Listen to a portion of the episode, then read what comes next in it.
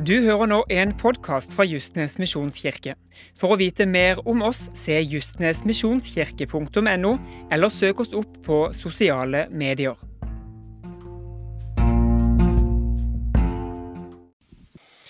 Hjertelig velkommen til deg som er ny i Justnes misjonskirke, og hjertelig velkommen til deg som har vært her lenge. Opp alle som har vært her helt til fra starten av. Og bare se rundt i rommet. Det er en god gjeng, altså. Ja, altså En applaus til deg, det er greit. De kan få det. Det er alltid godt med noen gode, gamle travere som er her og er trofast i det som vi holder på med. I Justnes misjonskirke så ønsker vi å være Jesus-fokusert. Og Det betyr at vi er glad i Jesus. At Gjennom alt det som skjer her, og gjennom måten du møter dere på, så håper jeg at du skal se Jesus i oss. At når folk prater om Justnes misjonskirke, så drømmer vi om at de skal si ja, det er en menighet som er veldig opptatt av og er veldig glad i Jesus. Tenk om folk kunne sagt det om oss når de prater om oss. Eller tenk om folk kunne sagt det om deg den dagen du eh, skal reise hjem til himmelen og må holde din begravelse. Kanskje jeg dør før deg, ikke vet jeg. Men så er det sånn, ja, han var Jesus-fokusert. Han var glad i Jesus. Så ønsker vi òg å være en menighet som er til stede. Og Det betyr at vi ønsker å være til stede i folks sine liv. At I det nabolaget som vi bor i, så er det ikke bare oss sjøl vi tenker på, men vi ønsker å bety en forskjell for menneskene i nabolaget. Vi ønsker å bety en forskjell for de fire bydelene som er en del av denne menigheten. her. Så for oss er det viktig. Og det, og det håper jeg også folk sier, at ja, Justnes det er en menighet som betyr en forskjell der de er. Og så er det en tredje ting som er viktig for oss. og det er at Vi ønsker å være ekte. Vi ønsker å være ærlige om livet. For som alle vet, så fins det ingen enkle liv. Det fins bare liv. Og alle opplever i løpet av livet ulike perioder at livet er kjempekrevende. Kanskje du har hatt en sånn sommer nå, der sommeren bare har vært superkrevende. Og så spør alle hvordan var sommeren, og så svarer du jo den var fin. Men egentlig har den vært helt forferdelig. Og Da håper jeg at vi skal være en forsamling der vi kan bære byrdene sammen. At når livet er krevende, da er vi der for hverandre. Og det er motsatt. Når livet er lett og enkelt, og det er bare smiling og god stemning, da er vi der òg for oss. Og når livet er midt på treet, så deler vi òg livet sammen. Så drømmer jeg òg om det, og det opplever jeg i denne kirka, at når, når, folk får det vanskelig, så fortsetter de å gå i menigheten. De slutter ikke å gå i menigheten. Det er mange kirker som opplever det. Men jeg opplever her veldig ofte at i det vanskeligste, men så går vi i kirka. For vi, vi merker at det gjør godt, og vi får den supporten som vi trenger. Så det er Justnes misjonskirke. Og jeg kan jo bare si det at Noen ganger tror vi veldig mye. Det tror jeg du kan kjenne igjen i. Og òg noen ganger så tror vi veldig lite.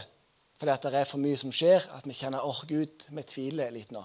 Men det er oss, og det er en del av å være i denne menigheten. Vi er vanlige mennesker som tror på en ekstraordinær Gud. Kan jeg få et amen på akkurat den? Ja, fint. Dere lever ennå. Det er jeg glad for. Vi skal ha en serie nå på tre søndager som heter Feriemodus. Hvor mange her inne kom inn i feriemodus i løpet av ferien som var? Det er noen. Hvor mange gjerne kjente det at eh, ferien var litt for lang? Det var noen som kjente at ferien var litt for lang. Hvor mange skulle hatt lengre ferie? Hvor mange som Thomas nevnte innledningsvis som leder møtet, at hvor mange opplever at de trengte en ferie for ferien? Ikke sant? Altså, Det er veldig ulikt hvordan vi opplever ferien. Og så vil noen si at eh, det er ikke ferie når du har små barn. noe som sier, sant? Det er bare at du gjør noe helt annerledes, men du er på fra morgen til kveld. Og så vil noen si at det, ikke ferie, eller at det er veldig ferie når du har voksne barn. For da kan du iallfall sove lenge. sant? Så det varierer fra person til person. Hvor mange her inne syns at dere har hatt for lite tid med svigerfamilien i sommer? Er det noen som opplever, er at det var for lite? Hvis jeg stiller spørsmål på motsatt side, hvor mange opplever at det kanskje var litt for mye svigerfamilie i sommer? Ingen som våger ta opp hånda her? Nei. Det er en ekte gjeng her inne. Hvor mange gleder seg til å begynne å jobbe igjen? Opp med hånd. Ja, Var det noen som gruer seg, så er det òg lov til å kjenne på de tingene der. Vi har alle forskjellige ting som vi har opplevd i ferien. så er det jo det. Hvor mange her inne kjenner det? At jeg har hatt en så fantastisk sommer med Jesus at tro har aldri vært høyere og større enn den er akkurat nå? Ikke så mange, men kanskje noen. Ja, det er noen her framme. Gud velsigne deg som sitter her framme. Hvor mange har kanskje opplevd det litt motsatt? At du kanskje kommer litt mer på avstand med Jesus i løpet av sommeren. Du kan jo bare gi hånd hvis du vil, men du må ikke, altså. Men det kan mange kjenne på. Og uansett hvordan din sommer har vært, så har jeg ett ord til deg i formiddag som jeg kommer til å si igjen og igjen. Det kommer opp på veggen bak meg nå. Bare se på det som står her. At i 2. Korinterbrev 12,9 så står det at min nåde er nok for deg. Det er det første. Så står det òg for kraften fullendes i svakhet. Guds nåde er nok for deg, for kraften fullendes i svakhet. Jeg satt på kontoret her på tirsdag. Skulle jeg be, skulle jeg søke Gud. Og jeg skal være ærlig på å si at når det har vært ferie, så har jeg kommet litt ut av rutinen. Jeg er et veldig rutinemenneske og kjører på sånn og sånn. og sånn. Så kommer det ferie, så kommer jeg helt ut av rutinene. Så blir det ikke så mange personlige bønnestunder med Jesus. Vi har noen med familien, vi har noen med barna. med noen sånn. Men jeg merker at mine bønnestunder med Jesus de blir, det er mye færre enn jeg har til vanlig. Så sa jeg på kontoret nå på tirsdag, og så skulle jeg be. Så var jeg klar for liksom, å ha en god, lang bønnestund. og tenkte at nå skal det skje ting her. Og så begynner jeg å be. Og så kjenner jeg bare med en gang at det er helt dødt. Nå skal jeg kjenne seg igjen i det, at, at, det er dødt noen ganger når vi ber. Kanskje noen tenker at det er altfor ofte er det. Men jeg sitter der og ber, og så får jeg ingenting. Og så prøver jeg å be igjen. og så prøver jeg å be ulike bønner som jeg har skrevet opp, men så er det, så er det bare helt dødt. Så til slutt så må jeg bare si til Gud at eh, vet du hva, Gud, jeg orker ikke å be i dag. I det jeg sier den setningen, så ser jeg opp på veggen framfor meg. Og Der har jeg forskjellige bibelvers. Jeg har forskjellige ting som henger der. Og, så, bare ser, så, bare ser, jeg rett bort på det bibelverset som står her. Så står det det at min nåde er nok for deg, for kraften fullendes i svakhet. Og så Når jeg ser det verset, så kjenner jeg bare ja. Det er jo det det handler om.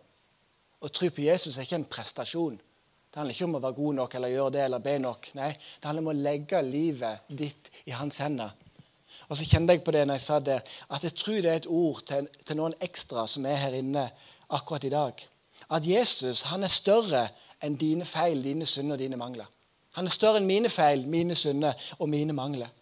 Og han er større enn den krisen som du opplever akkurat i livet nå. Men i svakheten, der vi kjenner at vi ikke strekker til, så kan vi få lov til å heve blikket og så se på Jesus og vite at han har fiksa alt for oss. Du trenger ikke strekke til, men han kan strekke til for deg. Så ser jeg videre opp på kontoret mitt, og så kommer det enda et vers. Hør på dette verset her. Jesaja 43, 18-19. Og Det opplevde jeg òg at var til noen her inne i dag. Og Det er bare de to versene jeg skal tale om i dag. det som står der. Og I Jesaja 43, 18-19 så står det Det skal ikke minnes de første ting. Ikke tenk på det som hendte før. Se, jeg gjør noe nytt. Nå spirer det fram. Merker dere det ikke? Ja, ja, jeg legger vei i ørkenen, elver i ødemarken. Jeg tror det er noen her inne som Gud ønsker bare Han jeg bare si til deg at legg av det du opplevde. Legg av at du ikke strekker til. Legg av at du har noen feil, at du har noen mangler. At du ikke alltid er den beste ektemannen eller kona eller pappaen eller vennen eller arbeidsgiveren på alle mulige måter. Men legg det av. Noen ting du opplevde i livet, legg det på Jesus, og så se framover. Så kommer han til å være med deg. Jeg leste en historie om en som heter Tom. Og Tom han var en kristen, god gutt i ungdommen. Brant for Jesus, ga gass i ungdomsarbeidet. Jesus var det viktigste. Fortalte andre mennesker om Jesus. Og Så ble han litt eldre, og så flytta han og Så begynte han også å studere, og så begynte han gradvis å leve et annet liv. Det var ikke sånn at han bare vinka ha det til, til Gud. At Gud jeg vil ikke ha noe med deg å gjøre. Nei, det er ikke så mange som gjør det. Men det mange gjør, det er at det bare steg for steg så beveger en seg vekk fra Jesus. Og Tom gjorde det. Steg for steg for steg så ble det mindre og mindre Jesus. Han begynte ikke i ny kirke der han flytta. Og han fikk en ny vennegjeng som ikke hadde så god innvirkning på han. Så Tom har begynt heller å feste og ha one night stands og alle de tingene der, og begynte å leve et helt annerledes liv. Han hadde ikke vendt Gud ryggen. Det var bare at livet ble totalt annerledes. Mange år seinere sitter Tom på rommet sitt sammen med kjæresten sin. Og Han og kjæresten har blitt enige om at i dag så har de tenkt oss å gå tilbake til kirka igjen. De har tenkt oss å gå på en gudstjeneste som de ikke har vært på på mange mange, mange år. Og Tom sitter der på senga. Han tar opp gitaren sin, og så begynner han å spille noen av de sangene som han, som han, som han spilte i, i, ungdommen. Kanskje for deg her inne kunne det vært 'All Because of You', hvis jeg husker den. God sang. Kanskje han satt og spilte den på, på gitaren. Så satt han der og spilte først én sang, så spiller han en sang til, og så spiller han en sang til. Og både han og kjæresten blir veldig rørt når, når de sitter der og opplever egentlig at, eh, at Gud er der. Senere på kvelden så går de på møte, de går på gudstjeneste. Og på gudstjenesten så spiller lovsangsbandet alle de tre sangene som han hadde spilt på gitaren tidligere på morgenen. Og så kjenner de bare ei hånd ifra himmelen. At eh, 'Jeg ser dere. Jeg er her. Jeg ser at du vandrer vekk ifra meg, men bare vet at jeg er her. Jeg står her med åpne armer. Min nåde er nok for deg. For kraften fullendes i svakhet. Og Jeg tror mange av dere kan kjenne på det. At når vi kommer inn i det såkalte feriemoduset, jeg kjenner iallfall på det, så blir det litt sånn at vi slapper veldig av. enn også slapper av i ferie? Så vi bør iallfall kjenne på det. At vi får hvilepuls. Vi kjenner at det er mindre forpliktelser. Vi nyter at det er mindre press og ansvar. Superdeilig. Vi merker jo at det er mindre planlegging. Det er jo deilig. Slippe å kjøre der og der, få gjort det, fikse det, alt sammen. Så blir det økt sosialtid, og så blir det utforsking og eventyr. Og så blir det mange opplevelser med glede for de fleste. Men så vil òg mange oppleve det motsatte. At det er kanskje ikke akkurat sånn det er i livet der og da. For for noen så er ferie stress og bekymring. Og Du skal ikke lese mye som samlivseksperter sier, eller lenge. Du kan lese de store avisene, Aftenposten, hva det skal være for noe, så ser en jo hva som går igjen i august måned hvert eneste år. Jo, det er at ektepar Eh, samboerpar, kjærestepar har hatt ferie, og det har vært krevende å være sammen så mye. Så mange opplever at når høsten kommer, så blir det supervanskelig. Fordi at en har vært så mye sammen, det er masse gnistringer, det er krevende ting. Og det skal jeg prate litt mer om neste gang, men det er mange som opplever det. Så kan den andre oppleve at de har hatt, at de har hatt for lite tid sammen. Men det jeg skal peke litt på i dag, er hva, nei, hva kan vi oppleve etter ferien med tanke på tro? skal jeg prate om i dag. Og Neste søndag skal jeg prate om hva opplever vi med tanke på ferie i forhold til livet ellers.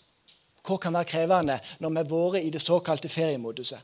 Og jeg tror, og så har jeg funnet forskjellige ting her, men det første jeg vil snakke litt om, det er det at jeg tror mange opplever en sånn åndelig avstand til Jesus når det er ferie. At en tenker igjen at nå er det ferie, nå skal jeg oppleve mye. Og så opplever du kanskje ikke så mye. Noen opplever noe, det er ikke det. Men mange kjenner på en avstand at Jesus han er litt sånn langt vekke. Jeg opplever ikke at han er så nær i livet mitt som jeg skulle ønske at han var. Fordi at mye av de vanlige rutinene har forsvunnet. Så Det kan være det ene du kjenner på. At Jesus han er litt på avstand.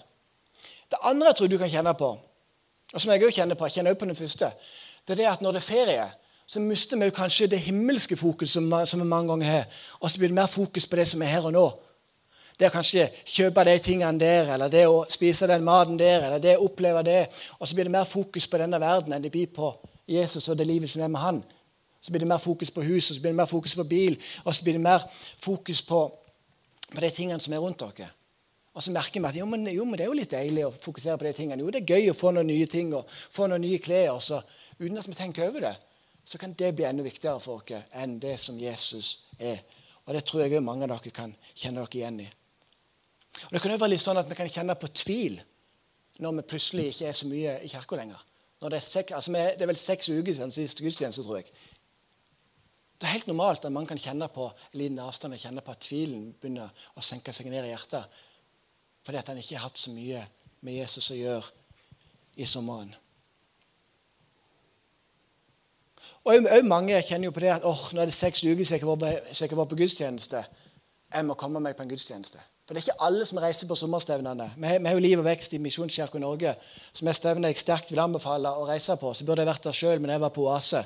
Så får vi heller se neste år hva som skjer. Men det å komme seg på noen sånne sommerstevner, det er utrolig hva det gjør med, med troen. Det å være sammen med andre som er med og brenner for det samme som du, som du brenner for. For det som jeg ser igjen og igjen og igjen, er at det er vanskelig å ha en brennende tro på Jesus hvis du ikke går fast i en menighet. Det er veldig krevende. Du skal være utrolig sterk i tro for å klare akkurat det. Og Det siste jeg bare vil nevne her, i forhold til de tingene der, det er jo det, er jo det at eh, jeg tror mange kan kjenne på skyld og skam etter en ferie. Skyld i forhold til at vi skulle ha bedt mer. Skam i forhold til at jeg skulle ha pratet mer om Jesus med barna mine. Eller meg og kona skulle ha bedt mer sammen. eller jeg skulle gjort det, det. Jeg burde kanskje ikke ha sett på den TV-serien som jeg så på. Eller burde kanskje ikke ha sett på det på nettet som jeg så på. Eller burde kanskje ikke sagt det eller det eller det. For det er så fort gjort at når vi kjenner at vi beveger oss litt vekk fra Jesus, så er det så fort gjort at vi begynner å gjøre ting som vi angrer på. Det tror jeg alle inne kan kjenne seg igjen i. Så ser det ulikt ut i, i vårt liv. Men da vil jeg jo bare si det, at min nåde er nok for deg. For kraften fullendes i svakhet. Og så tenkt litt på det. At når vi kan kjenne på alle de følelsene Du kjenner sikkert på det, jeg kjenner iallfall på det. Hva kan jeg da gjøre forsiktig for å komme litt sånn tilbake igjen til den gode relasjonen med Jesus? Jeg synes jo at når juni måned var med det siste gudstjeneste, så tenkte jeg at vi er på en god plass som menighet med livet med Jesus. Det tenkte jeg på. Så takknemlig for denne menigheten her. og Jeg opplevde at det skjedde mye utover våren. Jeg opplevde at mange var tent i brann for Jesus. Og så vet jo jeg som pastor at når, august kommer, så må jeg noen ganger begynne litt på ny igjen. For Da man får folk i gang. Det er litt sånn at Når det er fotballsesong, så er folk i storform. Og så er det offseason, og så skal folk komme i form igjen. Det, altså det tar litt å få folk i form igjen. ikke sant? Og, For å bruke det samme bildet, sånn er det jo i åndelig forstand òg. At det tar litt tid å komme inn i den åndelige formen med Jesus òg fordi at vi kanskje slapper av og roer oss litt ned igjen. Og da vil jeg si det, at Ta en gradvis, altså ta sånn små skritt imot Jesus. Ikke, du kan hoppe hvis du vil, det er ikke det, men vi prøver mange ganger på for mye på en gang. Og det er mer sånn at jo, men, Ta noen små, små, skritt imot Jesus. Han står der Han står der og venter på deg. Han vil være sammen med deg. Han vil bruke tida si på deg. Og så sier han bare ja, men kom til meg. Helt rolig, helt forsiktig. Ikke stress. Men kom og så vær sammen med meg sier Jesus. Det kan være for eksempel, som jeg nevnte innledningsvis, det kan være at du tar på det nye albumet til Elevation Church når du er ute og kjører bil. Så tar du på en sang, og så kjenner du bare at åh, ja, det var godt å være sammen med Jesus i bilen. Det kan være en sånn enkel ting som det. Og Dere husker sikkert det bildet som jeg delte før sommeren med en seigemann. En seigemann har 39 kalorier. Spiser du av hodet, så har han 33 kalorier. Og Spiser du én seigemann for mye til dagen, så blir det 1 kilo i året. Og på 15 år så har du lagt på deg 15 kilo. Sånn dere husker hva jeg sa der. Og litt sånn er det med de åndelige vanene. At det er de små tingene hele veien som viser at jeg og mitt hus, vi vil følge Jesus. Det andre jeg vil utfordre deg på, det er det er å søke fellesskap. Nå når du kommer her i dag, helt fantastisk at vi sammen kan få lov til å bære hverandre. At vi sammen kan få lov til å feste blikket igjen på Jesus. Det er så viktig. Og som dere vet, så har vi en eh, vi har Alle familier har jo forskjellige regler. Men en, familie, en regel i familien Omdal er at vi går på gudstjeneste hver søndag uansett. Så når vi ikke har gudstjeneste i Justins misjonskirke, da taler jeg ofte i en annen menighet, eller så går jeg i en annen menighet. Så Sist søndag så var det gudstjeneste i Randesund misjonskirke. Nå skal jeg være ærlig med dere. Jeg hadde ikke så veldig lyst til å gå. Jeg satt hjemme og tenkte at oh, Jeg går jo alltid på gudstjeneste. Jeg er jo pastor, jeg må jo dette. Gidder jeg å gå i dag? Men så tenkte jeg jo, jeg må jo det. Ikke for min egen del, men iallfall for barna sin del i dag. Så jeg tok med meg Jakob og Olivia, og så gikk vi på gudstjeneste i Randesund misjonskirke. Så fikk jo ikke jeg med meg så veldig mye gudstjeneste, for jeg var med deg i barnekirka.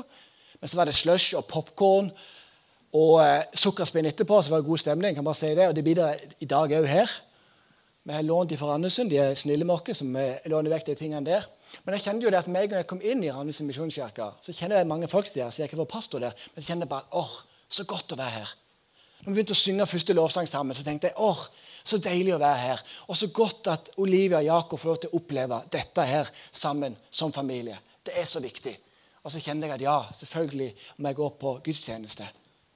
Og jeg må jo ikke sånn sett, men jeg har lyst til å ta med meg ungene mine på det. Og det er min utfordring til deg. at Prøv å sette av de tre av fire søndagene. Så kan du fint ta fri den fjerde. Slapp av. Du trenger ikke gå i Randesund da, du. Eller i Søgne, eller hva det skulle være for noe. Men du kan slappe av da. Så det er den ene. Men òg småfellesskapsgruppa di. Den er òg vel så viktig. At Klarer du ikke å komme på en gudstjeneste, helt greit. Men prøv å ikke gå glipp av smågruppa di. En pastorkollega av meg i Argentina han er litt større menighet enn det vi er her. Han er pastor for en menighet med 25 000 folk.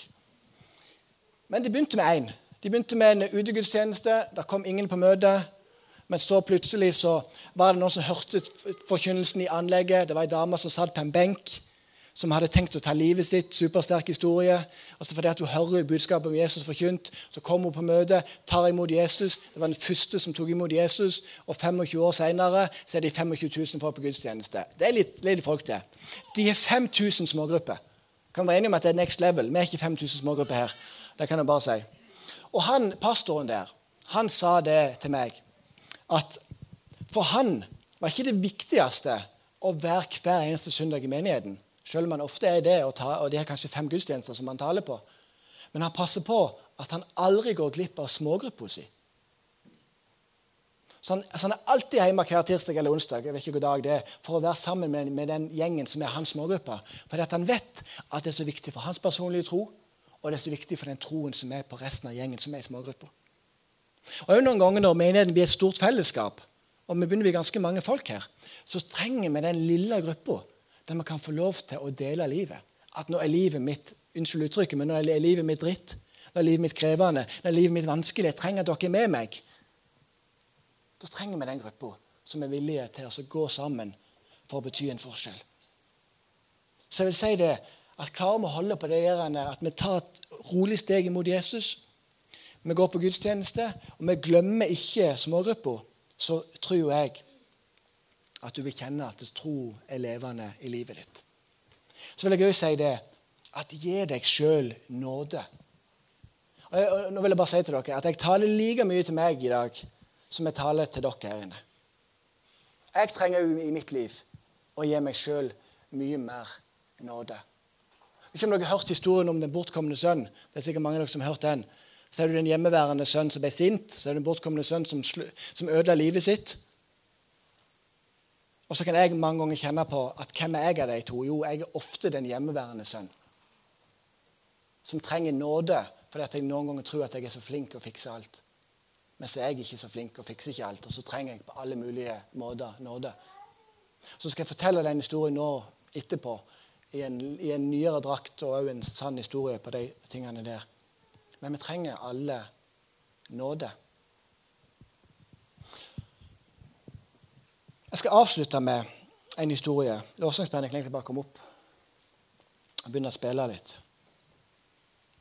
Min nåde er nok for deg, for kraften fullendes i svakhet. Dette handler om ei jente som heter Kaja. Og Kaja hun vokste opp på en gård utenfor Michigan. Foreldrene hennes var veldig gammeldagse. Så det vil si at de reagerte på ringen hun hadde, i ørene og rundt forbi, på håret, på klærne som hun gikk med. Hun fikk husarrest mange ganger. Hun levde ikke livet sånn som foreldrene ønsket at de skulle leve det, for de var ganske sånn strenge kristne folk som ville ha det på sin måte, men det ville ikke Kaja. En kveld så sier Kaja at hun hater foreldrene sine. Det er noe som unger kan si. Og hun sa det, og så storma hun ut ifra huset. Hun bestemte seg for å rømme til et av de verste strøkene i en by i USA. For der var det ingen som ville leide etter henne. Der var det ingen som ville finne henne. Og Kaja, etter et par dager så treffer hun en fyr som hun kaller for sjefen. Og denne sjefen han var veldig snill i starten. Han ga henne de fineste klærne, og de sov på fine hotell, og de hadde livet sammen. og det, det var god stemning. Han var supersnill imot henne i starten. Og, at, og hun kjente at ja, nå har jeg det bra.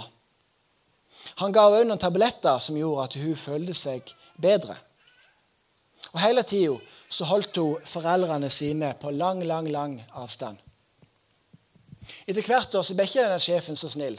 Han slutta å være mindre og mindre snill med, med Kaja. Og For at Kaja skulle få endene til å møtes og få livet til å gå opp, så begynte hun som prostituert. Og så begynte hun å selge kroppen sin i det strøket som hun var i, for det hele tatt at hun skulle klare å leve livet sitt. Hun forandret den hun var, og hun ble dårligere og dårligere. Hun ble mer og mer syk, og til slutt så kasta sjefen henne ut av eh, familien. liksom, det var ikke en familie. Og Så kjente hun det at åh, jeg lengter hjem etter mamma og pappa. Kan det være at de er villige til å åpne opp huset sitt for at jeg skal få lov til å komme tilbake til deg igjen? Hun griner. Hun føler seg ikke gode nok. Hun ringer hjem til mamma og pappa én gang, de tar ikke telefonen. Hun ringer hjem til mamma og pappa to ganger, de tar ikke telefonen. Så hun ringer hjem til mamma og pappa for en tredje gang, og de tar ikke telefonen. Så bestemmer hun seg for at jeg vil iallfall vente til det går til telefonsvarer her. Så det går til telefonsvarer, og så forteller Kaja følgende at hun kommer til å komme hjem. Og så kommer hun til å være utenfor huset i 15 minutter. Og Hvis ikke familien kommer ut de 15 minuttene for å møte henne, så kommer hun bare til å reise igjen. For da forstår hun at familien vil ikke ha noe med å gjøre. For at hun kjenner så på skam, hun kjenner at hun gruer seg, hun kjenner at det er krevende, for hun har sårt foreldrene sine så mye. Når hun reiser hjem noen dager seinere, så kommer hun i det tidsrommet hun hadde sagt.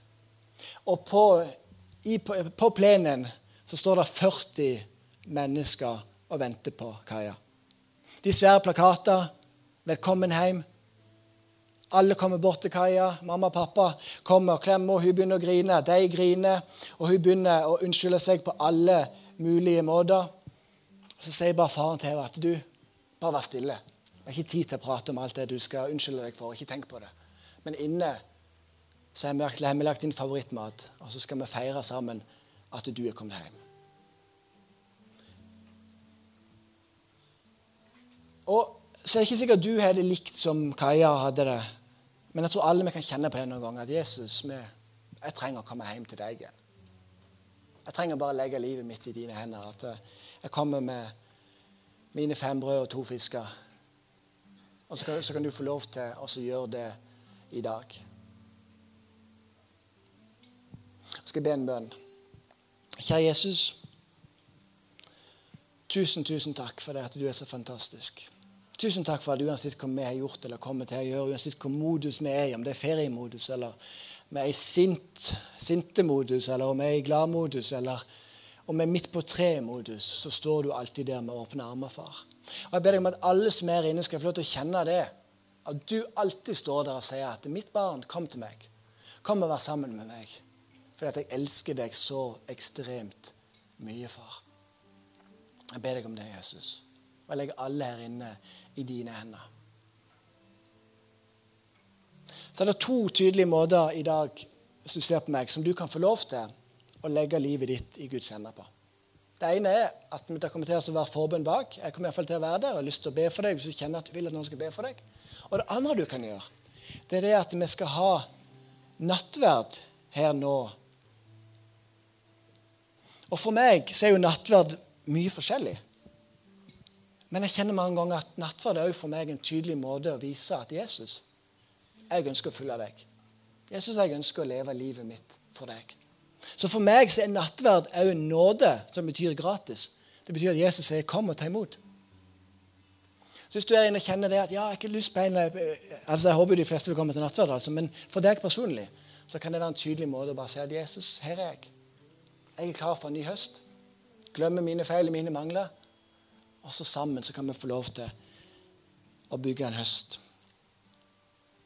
Så står det i 1. Korinterbrev, kapittel 11, vers 23-26.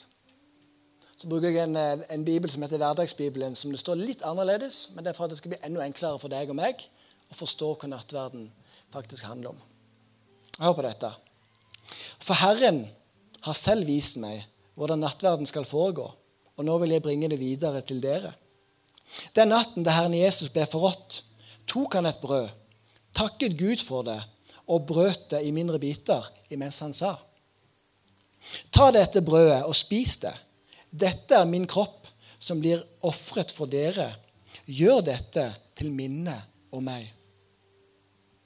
Da de var ferdige med å spise, tok han drikkebegeret og sa:" Dette begeret står for en ny og bindende avtale mellom Gud og mennesker, som ble inngått ved mitt blod. Hver gang dere drikker dette, skal dere gjøre det til minne om meg. For hver gang dere spiser dette brødet og drikker av dette begeret, forkynner dere at Herren døde for dere. Dette skal vi fortsette med fram til Han kommer igjen. Så enkelt sagt så handler nattverd om å huske at Jesus ga livet sitt for deg og meg på korset. Han ga kroppen sin. Brødet symbolet på det. Han lot sitt blod renne når han hang på korset. Så er jo vinen, eller saft som vi bruker her, er symbolet på akkurat det. Så husk det, Jesus han står her med åpne armer og lengter uendelig etter å sammen med deg.